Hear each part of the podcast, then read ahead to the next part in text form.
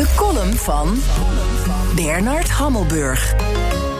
Bijt het virus eindelijk in het stof, ontwaakt de mensheid uit haar nachtmerrie, herrijst hier de vierde onafhankelijke intelligente Homo sapiens als een phoenix uit zijn as. Driewerf, ja.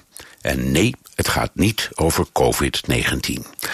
Er was voor het gelukkig snel groeiende leger gewetensvolle ondernemers een perfecte storm nodig om Twitter, Facebook en Instagram de kaakslag te geven die de asociale media al zo lang te goed hadden. Een pandemie, een in het ravijn stortende economie en felle confrontaties over racisme. Perfecter kun je die storm niet krijgen. Het eerste bedrijf dat wakker schoot was Unilever, dat voorlopig een eind maakte aan adverteren op Twitter, Facebook en Instagram. Het gaf gehoor aan een oproep van de Amerikaanse Anti-Defamation League, een Joodse organisatie die zich inzet tegen antisemitisme, homofobie en racisme. Een trits grote bedrijven volgden. Telecomgigant Verizon, kledingmerk North Face, Coca-Cola, Honda, Levi's, Starbucks. Inmiddels kan je als fatsoenlijk bedrijf eigenlijk niet achterblijven en dus niet stopt met adverteren op de asociale media. Ik eindig deze dag vermoedelijk in eenzaamheid. Collega's, vrienden, familieleden, relaties.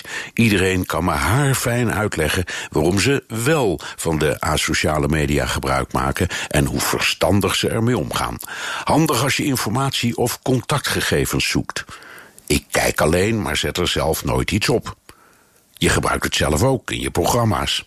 Allemaal waar, maar die eilandjes van wijsheid, laat ik ze zo gemakshalve even noemen, liggen in het tot de virtuele horizon reikende drijfzand van de meest krankzinnige, racistische, intimiderende en beledigende bagger.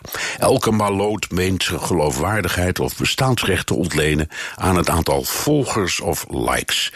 Wat niets anders betekent dan dat dromme andere maloten achter hem aanlopen, mobieltje tegen de neus gedrukt, alsof hun leven er van afhangt.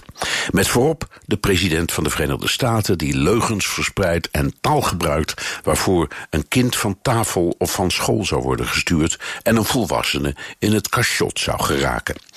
Dus een mooie eerste stap van die bedrijven.